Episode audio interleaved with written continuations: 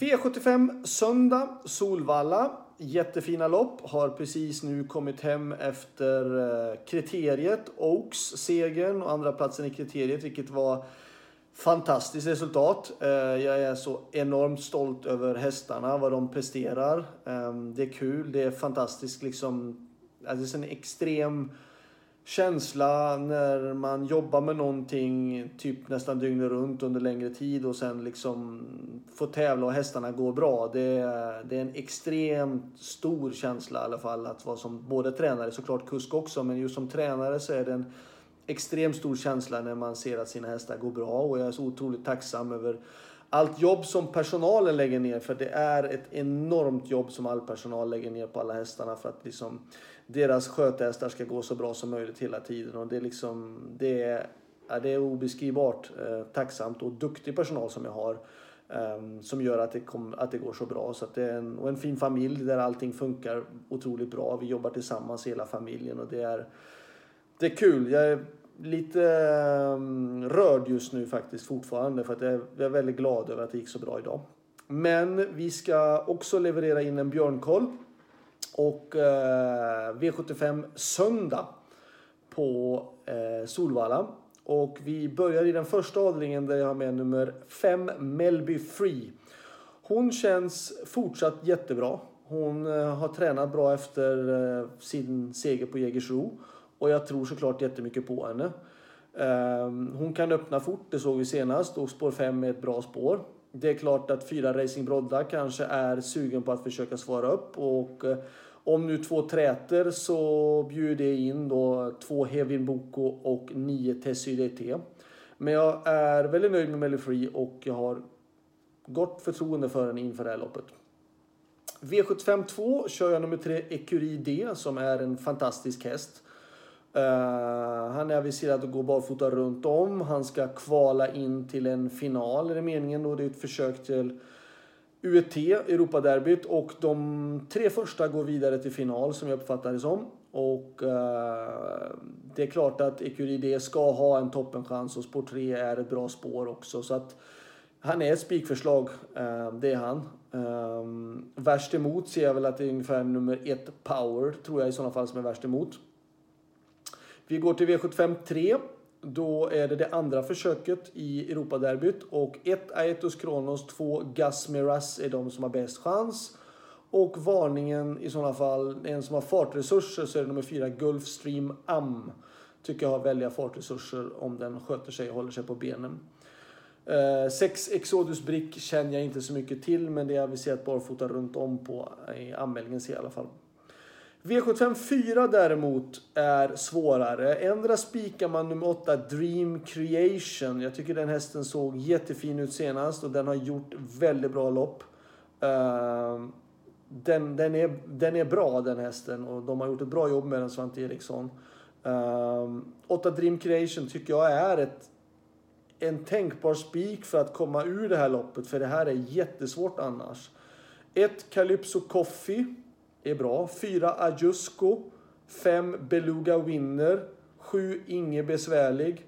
8 Dream Creation. 9 Global Annuity. 11 Brunello Hall, 13 Bugatti Miles, 14 Arizona Dream och faktiskt även 15 Unmec Door. Alla kommer med form på något sätt och vis tycker jag. Eh, och det här loppet är supersvårt. Likadant V75 5 tycker jag är svårt att lösa.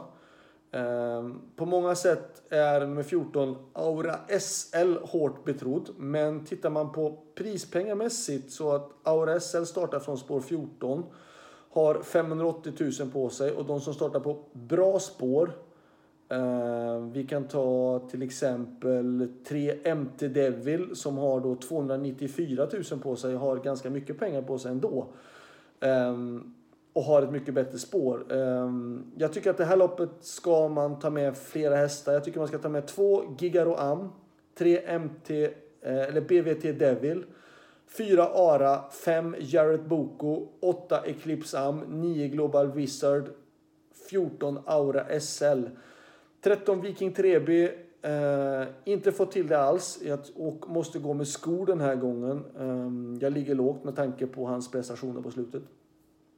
V75 6 har jag med nummer 2, Drimmo K som känns uppåt i jobb. Det gör han. Uh, han känns pigg och fin, han har ett bra spår. Det är klart att han inte är någon spetsaspirant för att det finns ju sådana hästar som Missile Hill, Diamanten och Double Exposure som är då väldigt snabba ut. Men Drimoko känns bra i form. Eh, dock ska 4 och 7 rankas före. Där bakom tycker jag Drimoko 6 Diamanten och 9 Milligan School är de som är mest intressanta. V75 7 är ett klurigt lopp om man nu inte ska spika två Danilo, Bo Danilo Brick. Ett, Ready to Roll ska tävla barfota runt om. Det tror jag att det kommer vara en stor fördel för honom. Han fick ett tufft lopp, visserligen i billig konkurrens, men han fick ett tufft lopp i fredags och han har jobbat bra efter det och känns bra. Och han hade järnskor sist och nu kommer han gå barfota. Um, ibland tycker jag som spelarna att ni blir såklart väldigt fokuserade på skor eller barfota och det har stor skillnad. Men ibland kan det också ha väldigt stor skillnad på vikten på skorna. Om det är tunga eller lätta skor som det är skillnad på. I det här fallet så är det en stor skillnad på vikt. Eh, två Danilo Brick såklart ska med. Eh, fyra Vikens Brummer tycker jag är en ganska fin häst. Visserligen spår fyra men eh, när jag vann med den där på Åby då vann den väldigt lätt på, på ett bra sätt. Eh, klarar han spår 4 kan han vara intressant. 8 Kasper Trott tror jag blir lite för lång distans på 3 och 1. 9 Exodo Vici, Vici är jättestark och rejäl. 11 Armor As tycker jag går ner lite grann motståndsmässigt för han har varit ute i jättetuffa gäng. 14 Vagabond B går också han ner lite grann i klass och 15 Bledugers går ju alltid bra. Jag ska rangordna loppet så säger jag 2, 9, 11, 14, 15, 1, 4. Slutsummering. Jag tycker Ecurri D är ett bra spikförslag i avdelning 2 och det är även min bästa chans. Eh, nummer 3 i avdelning 2. Och självklart så tror jag mycket på Melby Fri också.